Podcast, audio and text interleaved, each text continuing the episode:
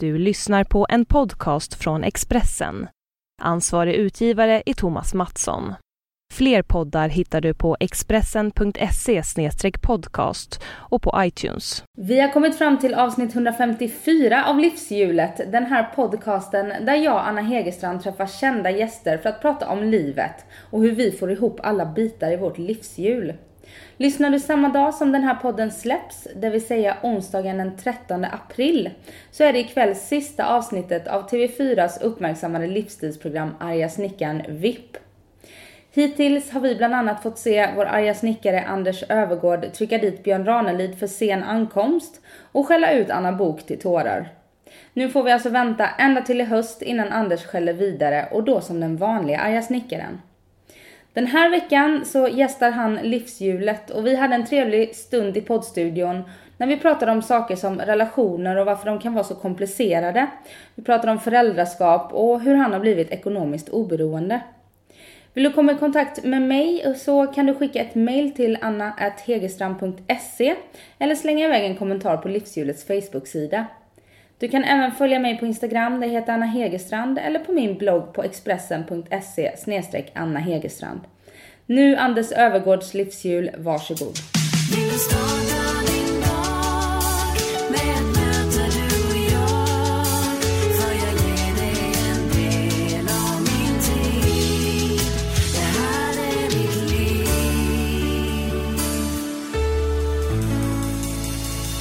Välkommen hit Anders. Tack.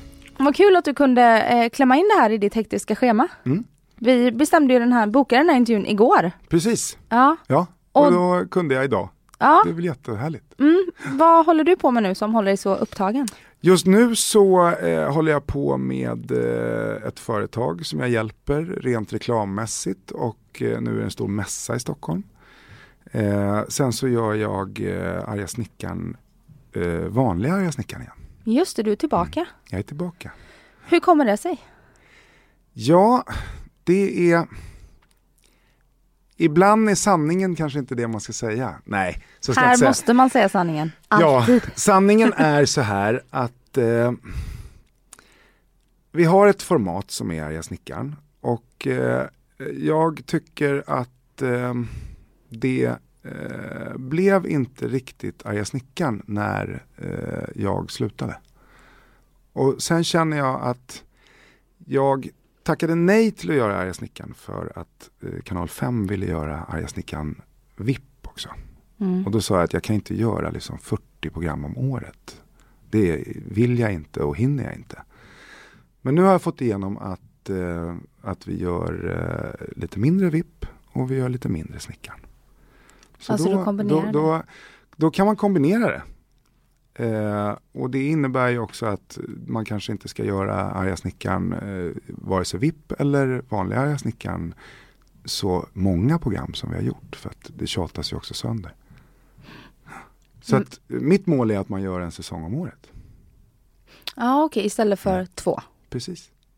Så att vi får se, jag gör i alla fall Arga snickaren igen. Jag, den stora anledningen till det är för att jag saknar det. Och att jag älskar att hjälpa människor. Nu har jag liksom gått den här VIP-delen.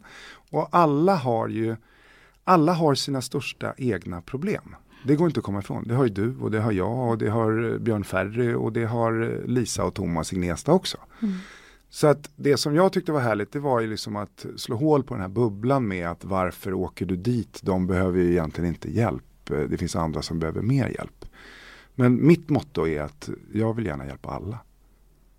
Vad, hur menar du att du, fick du kritik för att Ja, du hjälpte fått- vissa människor då? Precis, jag har fått kritik för att, eller, eller programmet har fått kritik under åren för att varför åker ni hem till dem? Det finns andra som behöver mer hjälp. Och det finns ju alltid tycka till och tänka till och det är folk som vill förstå sig på och sådär. Men för mig så handlar det om att, att hjälpa alla. Jag kommer aldrig kunna hjälpa alla men jag vill inte liksom särskilja folk. Så Och- antingen om du är offentlig eller du är inte offentlig eller du har dina problem så, så kommer jag. Ofta så är det väl de som inte signalerar att de behöver hjälp som behöver mest hjälp. Där, Mm. det, där ytan är som mest polerad kanske. Det är det vanligaste, att fasaden är väldigt fin. Det är det yttre skalet, även på oss människor. När vi, liksom, vi kan ju må jättedåligt men det ser jättebra ut utåt. Mm. Då tänker jag så här som Eh, jag känner Patrik Grimlund också mm. som gör eh, Lyxfällan. Lyxfällan. Att ställa upp i tv och liksom blotta sina känslor så otroligt mm. mycket. Mm. Det finns ju väldigt tydliga exempel på där det blir väldigt känslosamt. Absolut. Både i Arga snickaren och Lyxfällan. Mm. Eh, varför ställer man upp i ett sånt program? Ja, jag tycker att det här är, de som ställer upp, de är ju hjältar. På grund av att man kommer till en, till en punkt i livet mm. där man känner att det får inte ihop det här, jag behöver hjälp. Det är ju kriteriet för hela Arga snickaren också. När jag träffar dem första, första dagen så frågar jag också alltid, hur ska ni få ihop det här? Och de som då säger att vi får vi klarar inte av det. De vill man ju hjälpa. Alltså du vill ju hjälpa de som ber om hjälp. Det är ju ingen idé att hjälpa någon som inte ber om hjälp. Men människor som ber om hjälp gillar man ju också lite mer. Eller hur? Alltså jag, kan ju, ja. jag har ju åkt hem till många familjer där familjerna säger att ja, men det här det, det, det måste gå. Och då säger jag lycka till. För att jag kan ju liksom inte säga att nej, ni kommer inte klara av det här. Det, det är inte upp till mig att säga. Men om de säger med, står med öppna armar och säger att vi behöver verkligen hjälp för vi, vi klarar inte av det här. Vi får inte ihop det. Mm. Och det har ju gått, det som är, det som är häftigt är att, att eh, de vi hjälper, de behöver verkligen hjälp. Alltså alla. De mm. behöver jättemycket hjälp. Det, det, spelar ingen roll om man har pengar. Det, pengar är inte alltid lösningen till att allting ska bli bra. Utan det kan vara något annat man har liksom fastnat i eller kört fast i. Och, och det är ju som om vi tar Björn Ferry och, och Heidi Andersson. Så är det ju så att Björn är ju idrottsman och har liksom till 100 procent, vilket han måste, till 100 procent snöat in helt på skidåkningen. Eh, samma sak med Bert Karlsson som också till 100 procent, han är en superentreprenör. Sen får man säga vad man vill om honom. Han är också väldigt, väldigt eh, tydlig. Och, eh, och, och många som retar sig på honom samtidigt som många som gillar honom också. Men han är rolig för att han är så tydlig. Men de här personerna de har ju egentligen råd men det är inte det det handlar om. De eh, värdesätter inte livet på alltså familj på det sättet som jag tycker att de ska göra. Mm. Utan det är, det är, Björn ska ju nu in i en ny fas, Björn och Heidi. Där, där de inte tävlar och ska liksom bilda familj och bygga bo. Som de inte har gjort förut. Men de vet ju inte hur man gör. Nej. De har ingen aning. De har aldrig gjort det. Så det, det är, på det sättet är det skithäftigt att hjälpa dem. Mm. Och Bert som då drivs av, eh, han har ju en entreprenörsdiagnos skulle jag säga. Alltså han drivs ju av att, eh, att liksom se företag. Men sen ser han inte vad som händer hemma. Han ser inte vad som, alltså det här med att ha en altan hemma, det är, det är ingenting som är viktigt. Men hans fru vill gärna att det ska liksom funka när de är lediga. Men Bert är ju aldrig ledig. Nej. Han är liksom tillgänglig jämt. Han, han svarar ju till och med i telefon när han liksom opereras.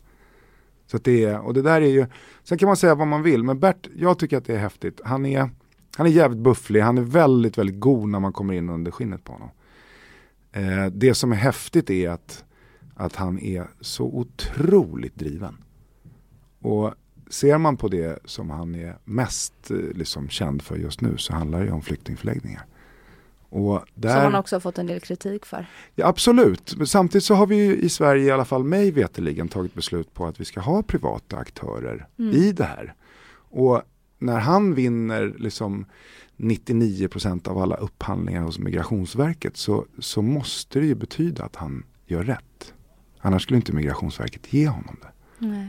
Så att när jag var där under de eh, fyra dagarna jag var hemma hos honom så öppnade han tre flyktingförläggningar under tiden. Mm. Alltså det, är, du vet, det kommer 300 flyktingar som bara måste få hjälp. På två dagar så är anläggningen igång. Då är det en sjuksköterska, det är lärare, det är boende, det är mat. Och, och de får, får liksom, de tar dit dem och allting funkar. Det är ju makalöst ska jag säga. Du och jag skulle svimma om vi skulle göra det. Mm. Alltså det är jättesvårt. Så att det, sen, sen måste jag säga att det, det, vi hade våra stora kontroverser också. Jag och Bert, på grund av att Bert lyssnar ju inte på någon. Nej. Nej. Så att det är liksom när han står och sågar så mitt knep för att få honom att lyssna det är att dra ur sladden ur, ur jacket. För då kan han liksom inte såga. Blir du provocerad då? Ja, det blir man. Absolut blir jag provocerad av Bert. Eh, vilket jag också, det kittlar lite att bli det. För att det, det är någonstans så, så har man ju en bild av Bert och det här är ju liksom en stor bild. I alla fall för mig. Blir det så lite, hur mycket styr du över vilka gäster som är i programmet? För eftersom du ska vara arga snickaren, du är inte snälla snickaren. Även om jag nu efter ganska mycket research om dig mm. tycker att du lika väl skulle kunna heta det. För ja. du verkar väldigt snäll som ja. person. Ja. Men, men att liksom dra in de här ganska starka karaktärerna som Björn Ranelid då eller Bert mm. Karlsson. Mm. Så att du får gå igång lite. Nej, alltså så här är det ju att det här är en kombination av att vi först och främst måste hitta hitta offentliga personer som vill vara med. Det är inte alla som vill. Nej, jag förstår det. Nej, och sen är det också så att eh, sen måste vi titta lite grann, det är inte bara jag som bestämmer, det är också kanalen och, och vad de tycker. Och jag tycker att det är härligt, vi har ju gått, vi har ju gått en väg som är vad, vad heter alltså det? det är, Kikki Danielsson är ju liksom eh, en gammal ikon. Mm. Och det, alltså det, de är väldigt folkkära. Så skulle jag säga. Mm. Sen att, att Bert Karlsson han, jag skulle nog säga att han är folkkär på grund av att man liksom kan eh, både gilla honom och vara väldigt irriterad på honom. Mm. Mm. Så att det är kul också att gå den vägen tycker jag med, med Björn Ranelid och Bert Karlsson. Det behöver inte bara vara våra, våra unga youtubare. Och, Nej. Alltså de har ju också, de är också intressanta. Men, eh, men det är det är härliga möten som i alla familjer. Alltså alla vanliga familjer också. Jag älskar människor och liksom, det här, de möten är otroligt roligt.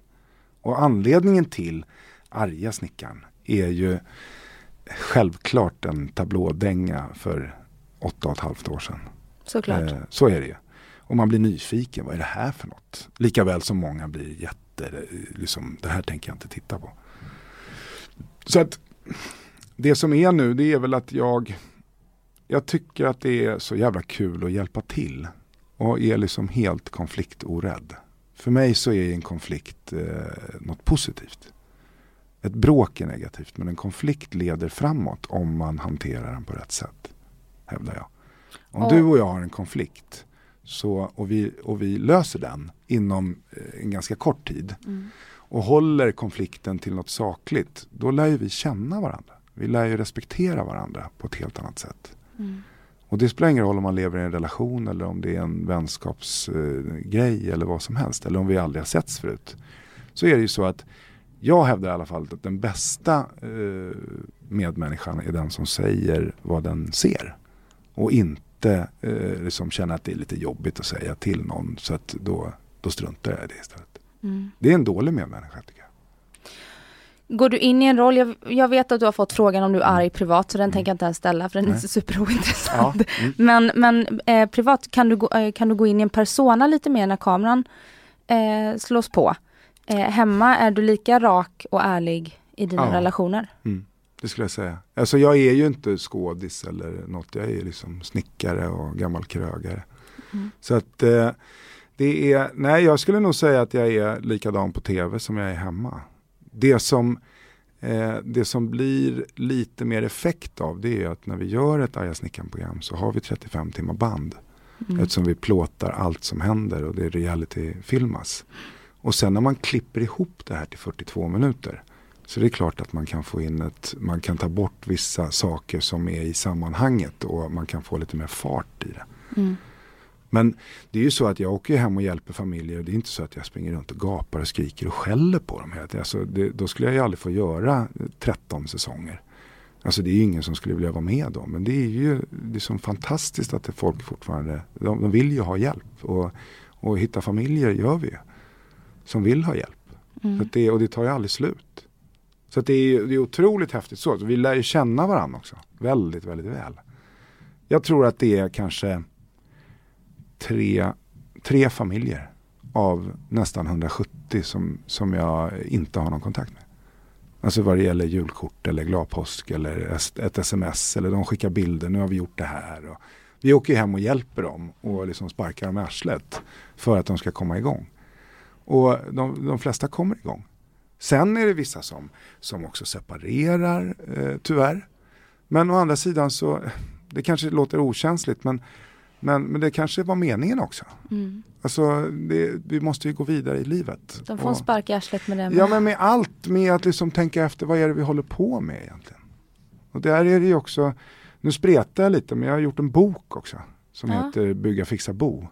Som också handlar väldigt mycket om att vi ska se det, det ironiska hos oss själva.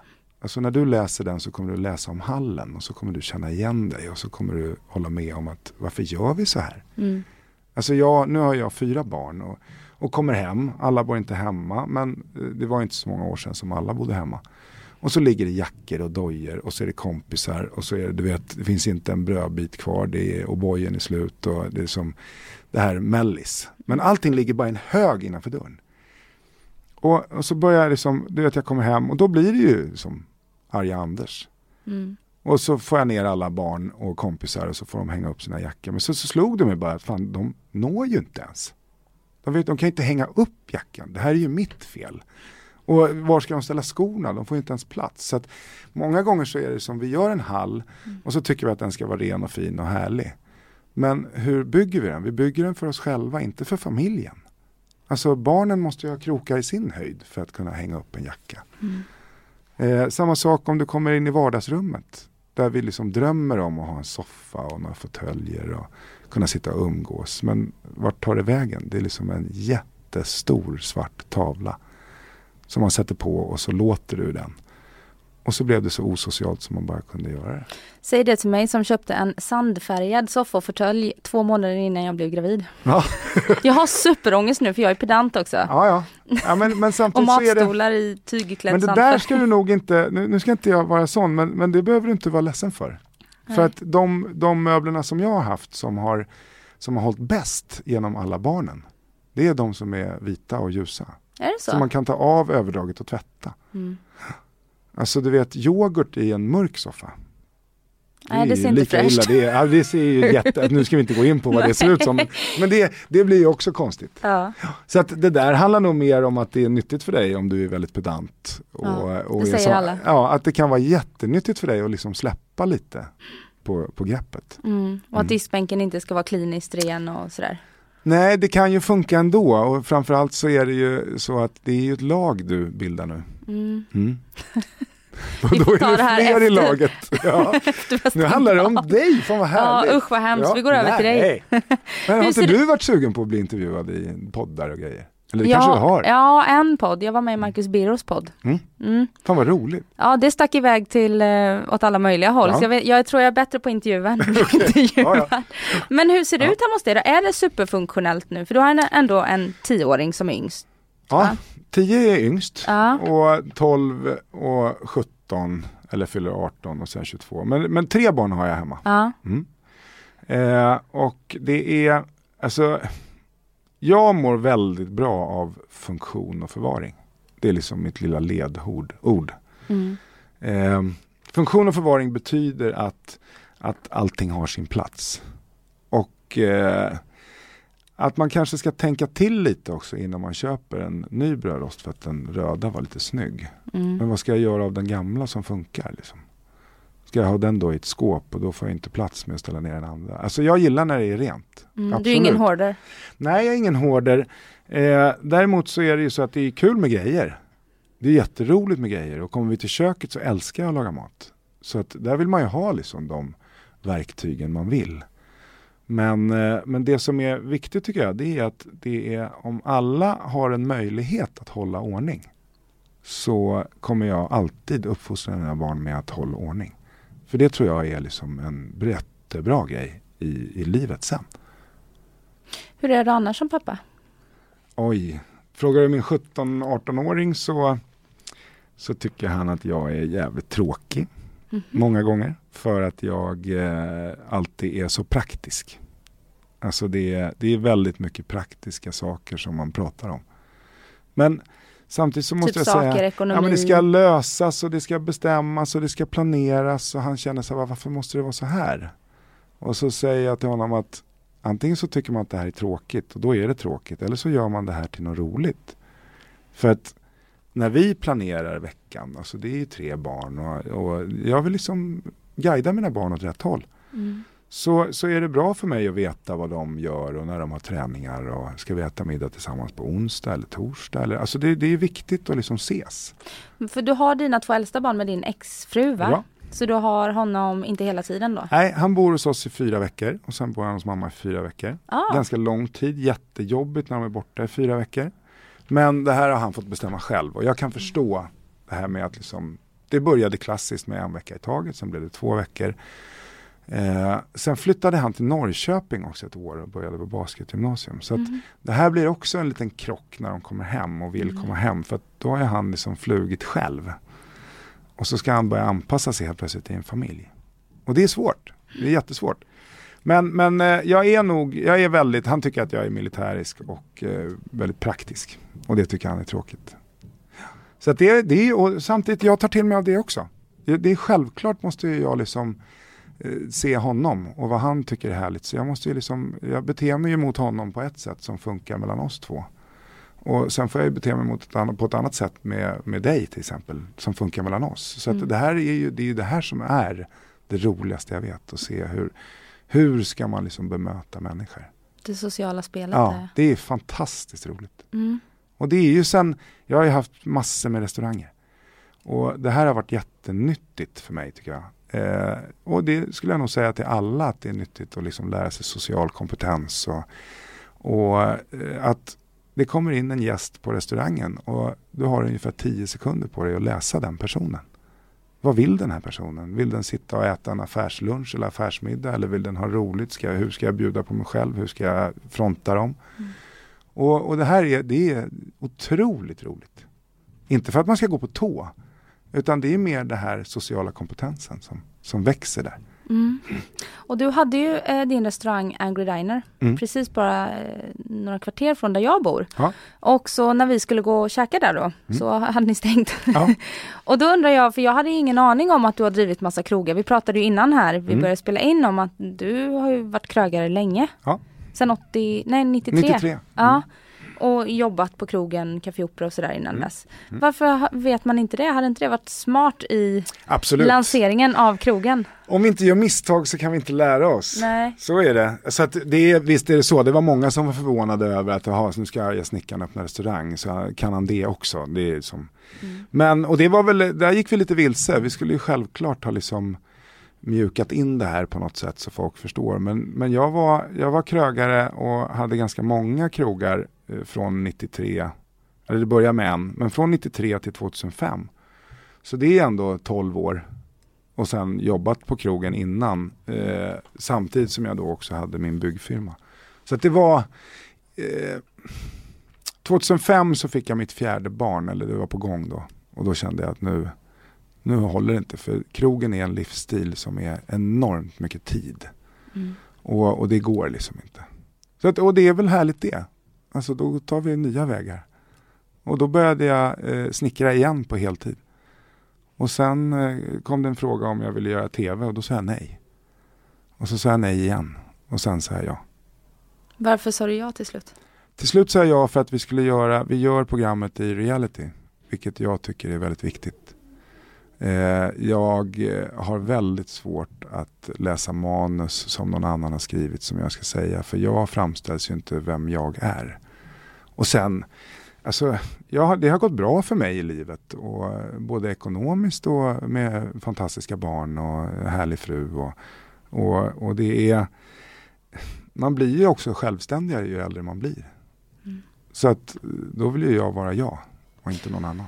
Men varför frågar man dig tre gånger och vad är det med dig som gör att man så gärna vill ha dig i rutan? Ja, vad är det? Det är väl för att eh, jag kanske är tydlig. Mm.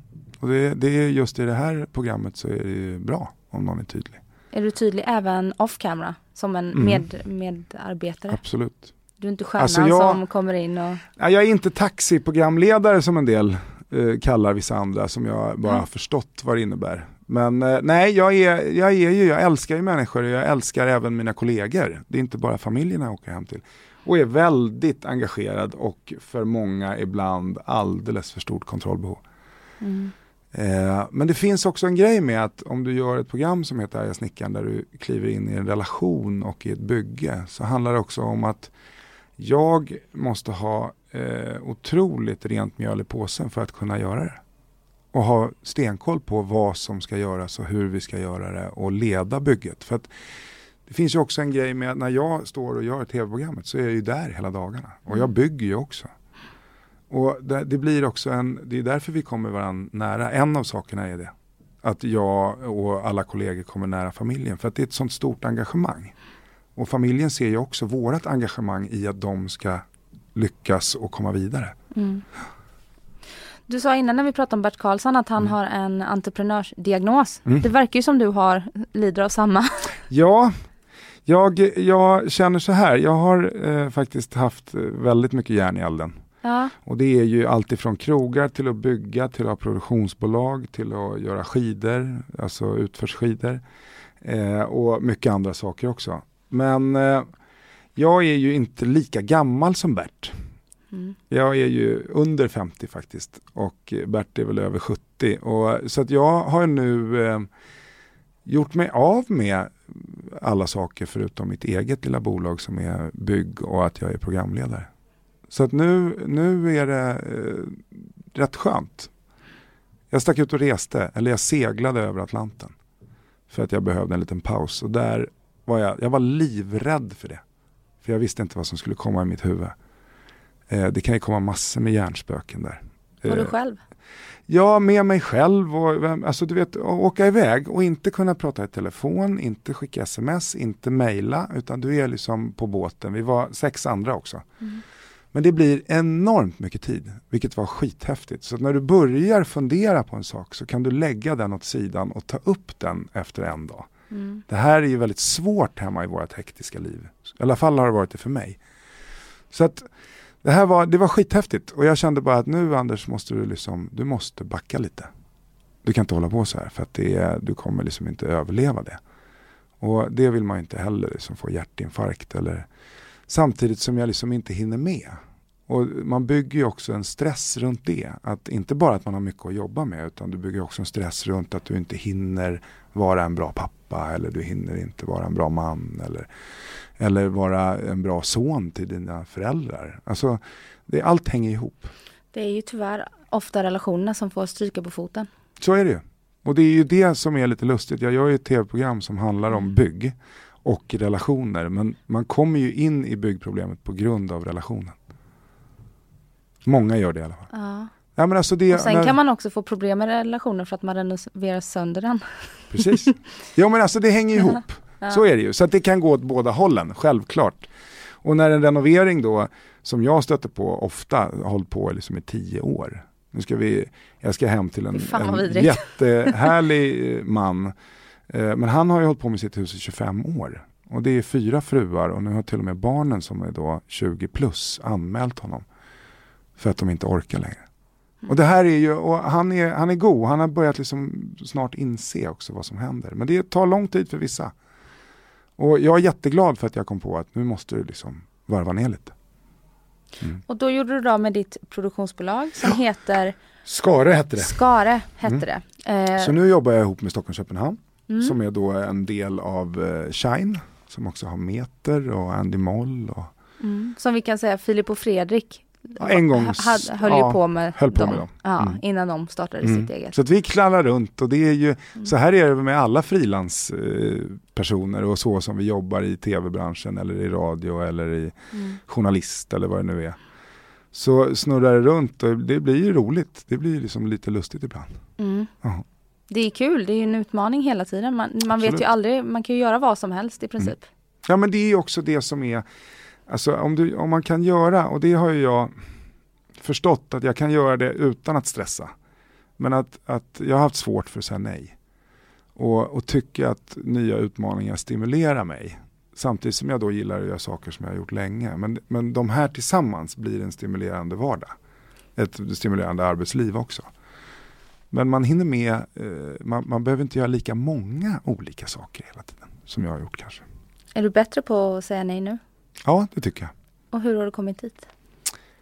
Ja, det en stor del är nog eh, eh, både mina fantastiska barn och min fru och och att jag åkte iväg och liksom fick lite tid där jag tänkte igenom vart ska jag komma, vart ska jag ta vägen, vad är liksom, varför jobbar jag 20 timmar per dygn? Vad ska det liksom leda till? Mm. Och det är, det är, när man benar ner det och har tid att göra det utan att bli liksom störd eller eller eh, att man inte, alltså många gånger så hinner man ju tänka i fem minuter. Men sen är det svårt att plocka upp det igen. För att det kommer annat emellan. Men den här resan jag gjorde, där hade man liksom tid med det. Så det, var, det var otroligt nyttigt.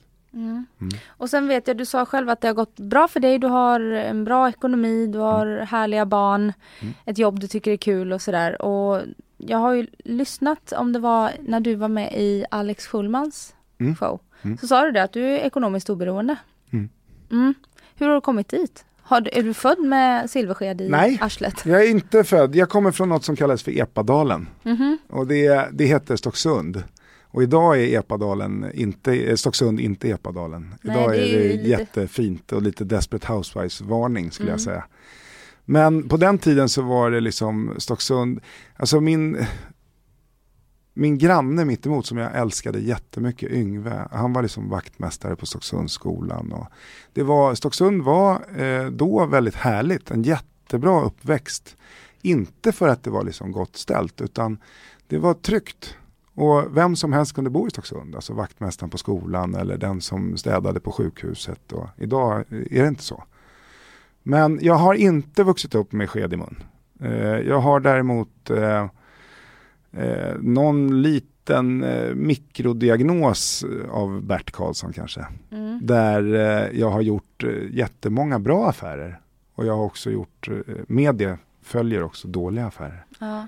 Så det är inte bara så att det liksom rasar in utan man måste göra dåliga affärer för att göra bra affärer. Mm. Mm. Sen är ekonomiskt oberoende alltid en definitionsfråga. Absolut. Det handlar ju om, mm. jag intervjuade Victoria Silvstedt här för några mm. dagar sedan. Mm. Hon är också ekonomiskt oberoende. Mm. Sen så tänker jag att hennes liv kanske kostar lite mer än vad ditt kostar. Absolut, visst gör det. Mm. Alltså det är ju så att man mättar ju magen efter matsäcken. Och, och det är ju så också att uh, jag har inget större behov av att åka runt liksom i svindyra bilar och, och det är inte det som är mitt liv. Utan mitt liv handlar ju om att, att jag vill resa med min familj och jag vill, jag vill bo trevligt. Det behöver liksom inte vara eh, Anders Bagge-huset på 1200 kvadrat och, och, en jättestor gräsmatta utan ner till vattnet. Det behöver inte vara så. Så ekonomiskt oberoende är absolut en definitionsfråga. Mm. Eh, jag är inte eh, så att mina barn är ekonomiskt oberoende också. Nej. Så att de aldrig mer behöver jobba. Om man nu ska se det så. Men, men vi, jag har det bra. Och så vet jag, ni bor ute på Värmdö mm. i en villa. Ja. Ganska stor. Den är inte 1200 ja. kvadrat men Nej. 200? Kanske. Ja, lite drygt. Lite men vi har drygt. också varit sex stycken ja, just hemma. Det. Så att det, det har behövts plats. Mm. Ja. Och eh, hur, hur är det liksom, trivs ni där ute? Du vill Absolut. bo kvar, hur länge har ni bott mm. där? Vi har bott där i nio år. Eh, jag var, min, ja det är väl där, vi rimmar lite jag och min fru, eller väldigt mycket. Men, men hon är bra för mig. Jag har ju varit väldigt sådär, jag har flyttat runt. Mm. Och eh, har också sett att om vi köper det här huset så renoverar jag upp det och sen säljer vi det och sen tjänar vi lite pengar där. Ja, det är där du har gjort dina pengar med andra ord. Lite grann så, ja. bland annat. Mm. Absolut. Och, och det här har ju varit, alltså det är ju ett mål man sätter upp för sig själv också. Om jag köper ett hus, gör i ordning det, säljer det, tjänar lite pengar där, tar nästa hus, gör samma mm. sak och så efter tredje huset så, så flyttar vi igen. Det är klart att gör du bra affärer där så kanske du bor lite billigare för att du inte behöver låna lika mycket pengar. Exakt. Så är det. Mm. Så det är, men, men nu har jag, jag har aldrig bott så länge på ett ställe. Och din fru är sån som inte gillar att flytta så mycket eller? Precis. Ah. Trygg och härlig. Ja. Aha. Och du var gift innan du träffade henne. Mm. Vad tog du med dig från den skilsmässan? Ja, det där är ju, vi hade ju väldigt mycket saker ihop, jag och min före detta fru. Vi hade ju många krogar och vi hade andra företag. Vi hade hus och landställe och ja, du vet allt. Så att, och barn. Mm. Eh, så att eh, vi, vi ville inte separera.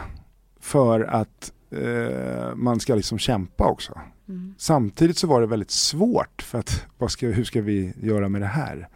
Så att vi gick faktiskt i tre års tid eh, i omgångar på äktenskapsrådgivning. Och det, det, är, det är en av de tio nyttigaste sakerna jag har gjort. Och att vi gick så pass länge, alltså det var inte i tre år varenda vecka utan Nej. det gick liksom i omgångar. Men, men det är ju, först och främst så är det ju, efter tre gånger så fick jag lära mig att eh, eh, i början så sitter du ofta och så känner man så här att ja men vad fan, tryck till henne nu då. Hon är ju dum. Mm. Så om man vill liksom att den här familjerådgivningen ska liksom trycka till frun. För att hon är ju dum, hör ni inte? Ja. Och så blir man liksom irriterad på att de inte blir sura på henne. Ända tills man efter tre gånger, det tog tre gånger för mig i alla fall, innan jag fattade att alltså, det här, jag ska göra jobbet. Ja, det är inte, inte den personen Nej. som ska laga. Och det tog ett tag. Eh, samtidigt så är det också så att det som är, det jag tog med mig som är absolut det viktigaste för mig, det är att eh, man måste inte hålla med varandra. Man behöver inte bli ovänner för att man ska kriga om att, att jag tycker mer om jordgubbar än vad hon gjorde. Hon tyckte om hallon. Mm. Men, alltså det, det, men många gånger i relationen så blir det så att jag ska få henne att liksom erkänna att jordgubbar är godare än hallon. Och börjar man liksom tävla så, då, då, då blir det inget bra. Så därför så är det så att man behöver inte vara osams för att man inte håller med varandra. Kan inte det bottna i någon rädsla då? Att man känner att oj den här personen är olik mig och det är lite läskigt. Jag tror att det i grund och botten handlar om självförtroende. Ja. Mm hos en själv. För det är ju bara jag som kan förändra mig själv. Om jag vill det. Självförtroende alltså, eller självkänsla? Ja, det är två vitt skilda saker skulle jag säga. Det håller inte alla med om. Men, men självkänslan mm. är ju bara jag som kan styra över. Självförtroendet styr ju andra över skulle jag säga i form av att man får uppskattning för det man gör. Eh, men självkänslan eh, och framförallt sitt eget beteende kan ju bara en vuxen människa styra över själv. Och, men, men framförallt det här med att man måste inte hålla med varandra. Jag kan tycka en sak och min fru kan tycka en annan sak. Eh, det innebär inte att vi är osams. Och det innebär inte att man inte tycker om den andra lika mycket för det. Utan det är bara mer, skulle jag säga, att det här är det vi pratar om nu, det är som vi pratade om innan, om vi ska knyta ihop den. Det här är på väg in i en liten konflikt. Mm. Är du med mig? Det är därför jag säger, tycker att en konflikt leder varandra närmre. Till en större förståelse till varandra. Mm. Och det är det här med att man måste inte hålla med varandra. Alltså jag respekterar ju då min fru för det hon tycker. Och hon respekterar det för jag tycker. Men däremot så är det så att om jag vill överraska henne så är det jävligt dumt att köpa jordgubbar när hon mm. gillar hallon. Mm. Nej men alltså är du med mig? Det är ju en respekt också. Mm. Till, till uh, den andra parten. Att se till den andras behov också. Ja.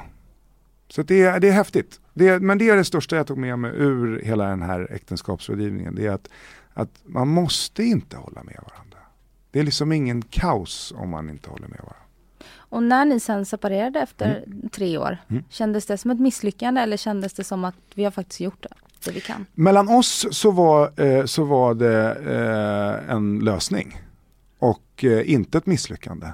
Däremot vad det gäller när man har barn så blir det alltid ett misslyckande för mm. barnen. Så skulle jag säga Har du varit noga med att eh, ta hand om det här inför, inför barnen och hur man nu gör det? Alltså det där är ju så jävla svårt. Alltså förälder är ju, det är ju nog skulle jag säga det svåraste om man ska se det som ett yrke. Mm. Det är det svåraste vi kan bli. Och du har din första ja, bebis i magen. Jag är på väg in mot eh, min stora ångest. Ja, men det ska du inte ha en ångest för alls. Men det är, det är ju så här också att eh, ibland får man inte göra fel. Därför så är det viktigt att man använder det här gamla uttrycket sov på saken innan du säger något eller gör något åt när du är tveksam. Skulle jag säga som ett råd till dig. Mm. För att det är det är klart att jag och min före detta fru var jävligt irriterade på varandra också. Och ibland så kommer det idiotord ur min mun. Där jag kanske inte har varit jättesnäll mot henne inför barnen. Och, och kanske pratat om henne inför barnen. Eh, vilket jag känner att jag inte har gjort alldeles för mycket. Men, men varje gång är fel. Mm. För att det är barnen som åker på kläm där. Men det är svårt när man är sådär oerhört arg och irriterad och frustrerad att liksom inte, det är lätt med, fel, med felsägningar då. Mm. Och det här behöver man tänka på. Nu ska ju inte du gå in i den här separationstanken när du ska få Nej, ditt första barn. kan- Men, men du förstår, det, alltså, det är samma sak med barn. Mm. Alltså ibland så, så får man kanske inte göra fel och det, som förälder så känner jag att att eh, vi har också vissa ideal med att, att det blir sådär att ja, men det är så jävla skönt, han är tre år och han har inte blöja på nätterna längre och du vet, ja, det här som du kommer komma in i.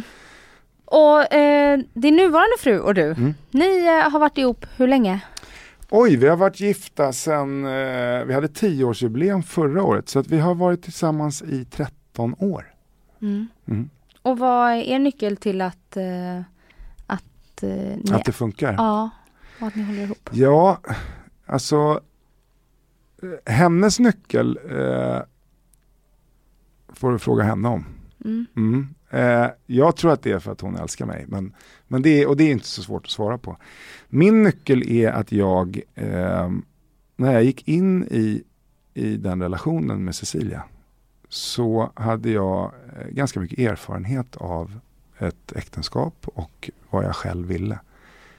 Alltså jag gjorde ju egentligen något som borde vara olagligt skulle jag säga. Jag gifte mig när jag var 23 Mm. eh, alldeles för omogen. Så att jag kan liksom själv ta på mig lite grann av min första, min skilsmässa. För att när jag blir 30 så är inte jag samma person. Och, och min för detta fru undrar, vem fan är det här? Mm. Vad är det här för jävla gubbe som jag har gift mig med? För att jag mognar och växer upp. Och jag skulle nog säga att män ska inte gifta sig innan 30. För att vi är inte riktigt färdiga än. Nej. Eh, så Blir att ni det som jag, någonsin? Ja, det hoppas man ju att inte någon människa blir. Men, men alltså någonstans så är det ju så att, att eh, jag, jag hävdar att, att eh, ibland så går det för fort och det, även mitt liv har gått för fort. Så att det, det är inte så konstigt att jag gifte mig när jag var 23. Det liksom stämmer ju ganska bra överens med hur jag har levt. För då hade du redan blivit pappa va? Jag blev pappa när jag var 27. Jaha, 27, ah, okej. Ja, Mm. Så att det är, nej men, men det som är grejen det är att när jag går in i en ny relation, vilket man måste ju försöka se det positiva med en skilsmässa och att man startar om igen, om man nu vill det. Mm. Så, så behöver inte jag, eh, jag hymlar inte en sekund med eh, vad jag tycker är okej och inte är okej. Så att jag blir ju egentligen lättare att leva med och mycket enklare, lite rakare liksom. Man vet var man har mig. Eh, och det tror jag är någonting som gör att vi har det så pass bra som vi har idag. Och därifrån skulle jag nog säga att min person till att vara en rak och tydlig människa är, eh, den utvecklades väldigt mycket efter min skilsmässa. Mm. När jag vågade, ja, men som 23 år så vet man ju inte vad man vill riktigt. Och, och man hänger med liksom. Hjälper till och inga barn och man ställer alltid upp och hjälper alltid till. Och Mm. gör saker åt alla eller inte sig själv så ofta men, men för alla andra. Men sen när man kommer på att vad fan, ska jag inte ta hand om mig själv också? Då blir jag ju en annan person. Men när man är helt öppen med det från början i en relation, då, då blir det enklare för den andra parten. Mm. Och idag, hur tar du hand om dig själv just eh, fysiskt? Med hälsa och den Ja. delen som är viktig i livet också. Jag, eh, jag har ju eh, varit en sportkille, fast i lag, i hela mitt liv. Och tycker att det är fruktansvärt tråkigt att träna på gym. Alltså jag har ju så svårt för det. Men det har kommit en liten vändning nu bara sista, ja, sista månaden. Jag har ju liksom haft gymkort i många, många år men jag tror inte jag har varit där en enda gång. För att jag får liksom ont i lilltån när jag ska gå in genom dörren och känna att nej, jag har nog lite ont i tån så jag struntar i att träna idag igen.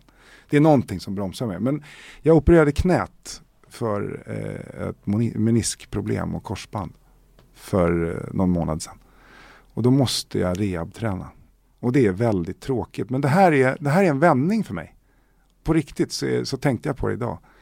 Eh, att det här är jättebra för att eh, nu måste jag träna och nu börjar jag komma in i en trall som jag vet att jag kommer in i om jag ger det chansen. Och det är trägen vinner liksom. Och när jag har tränat så pass många gånger så tycker jag att det är skönt sen. Så just nu så, så tar jag hand om mig själv lite, alltså väldigt, väldigt bra skulle jag säga. Mm. Jag tränar ungefär varannan dag. Och lägger väl kanske en timme, en och en halv om dagen. Kan det handla om att du har sänkt tempot med jobbet lite också? Att Mm. du får in det? Det är klart. Mm. Och det handlar också om att, eh, eh, att ha tid att rensa hjärnan. Alltså att gå och träna, det som jag tycker är det bästa just nu det är att jag eh, hinner tänka igenom saker när jag tränar. Och träna själv och står man där och, och kör på någon, eh, någon cykel eller vad fan som helst för att värma upp så, så finns det ju liksom 20 minuter att bara fundera. Mm. Jag tränar inte med musik i öronen eller med någon annan utan jag bara kör själv. Det blir din terapi. Ja, skitskönt. Mm. Mm. Så måste jag fråga, du, du har ju eh, bland annat Filip och Fredrik Mm. eh, i din fanclub. Ja, Hur, hur kommer det sig? ja hur kommer De hade jag det gärna sig? haft i min fanclub. Ja, eh, det är... Det blev, vi var på någon julmiddag med programledaren på kanal 5. Och då var det ju, det var mer eh, Filip som var lite sådär, han var väldigt eh, liksom, intresserad av vem jag var som person. Och Han har ju också det här va, att han älskar människor och Ja. möter med människor. Fredrik är ju tyvärr socialt inkompetent. Nej, det sa jag inte. men, men Fredrik gillar inte människor på samma sätt Nej. som Filip gör. Eh, men, men, men jag vet inte vad det var. Det var någon, ja men de gillade liksom min stil och, och de, de drog på den här ganska roligt. De gjorde ju en podd som inte jag visste om först. Där de skulle liksom satt och pratade om att ja, vi hade varit på den här julmiddagen. Och Filip liksom det var nästan så han liksom höjde mig till skyarna. så Ja, jag högt visst, så jag lyssnade på det så. Fredrik, han var så här, men nu får du sluta. Men sen kom de in på något så här som om arga snickaren skulle ta livet av sig. Han är så tydlig, han är så rolig, han skulle liksom inte ta en tablett, han skulle ju skjuta sig. Ja. Ja men det var så här.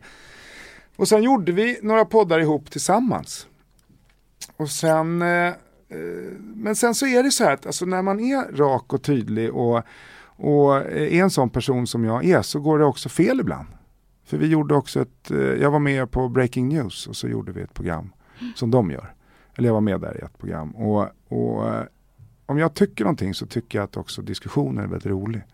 Och det var när jag höll på med Nybyggarna, jag gjorde ett tv-program som, där jag tog hem hemlösa missbrukare. Just det. Som var fantastiskt. Eh, och eh, Fredrik och Filip ibland tycker jag glorifierar alkohol och droger lite för mycket. För att de har också ett ansvar mot sin eh, publik som är lite yngre. Mm. Ja, de har ju till och med varit höga i... Ja, TV. och det tycker inte jag om. Och då, ja, alltså bjuder de in mig så, och, så, så kommer det. Så enkelt är det. Men då vet jag, då hade Filip och jag en liten dispyt där för att han var jävligt irriterad för att jag tog upp det. Men jag sa till honom att alltså, någonstans så är det ju, om ni vill att jag ska komma och prata om det här, då, då får ni räkna ut det själva. Mm. Så är det. Eh, vad drömmer du om? Oj, vad, alltså på nätterna? Nej, Nej. i livet. I livet? Eh, ja du, jag vet inte. Jag tycker att det händer så jävla mycket roligt hela tiden. Så att jag, jag drömmer inte om något speciellt. Det, det, jag, det jag vill det är att jag ska liksom fortsätta ha eh, känslan av att när jag kommer till en punkt där jag inte tycker att det är så roligt så gör något annat. Eh, så se till att ha kul. Liksom. Mm. Eh, men det, man kan ju komma med massa klyschor. Jag drömmer att mina barn ska eh, ha det bra. Men, och det gör väl alla, som, alla föräldrar. Men vad jag drömmer jag om? Jag drömmer om, ska jag vara helt ärlig så kan jag säga så här. Att jag drömmer om att eh, jag ska kunna eh, sluta jobba om tio år. Men det kan du ju redan göra. Ja, men eh, ekonomiskt ja. Mm. Men pengar är inte lösningen till allt.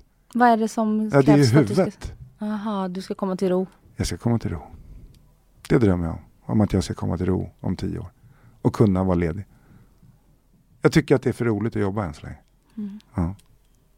Anders, tack så jättemycket för att du kom hit och gästade Tack. mig. Tack! Och lycka till med alla nya fall nu då som arga snickaren. Ja, perfekt. Tack ska du ha själv. Tack, tack. Hej, hej.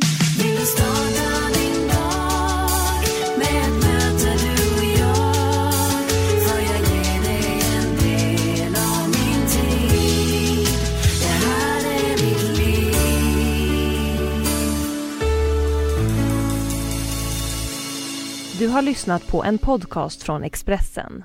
Ansvarig utgivare är Thomas Mattsson.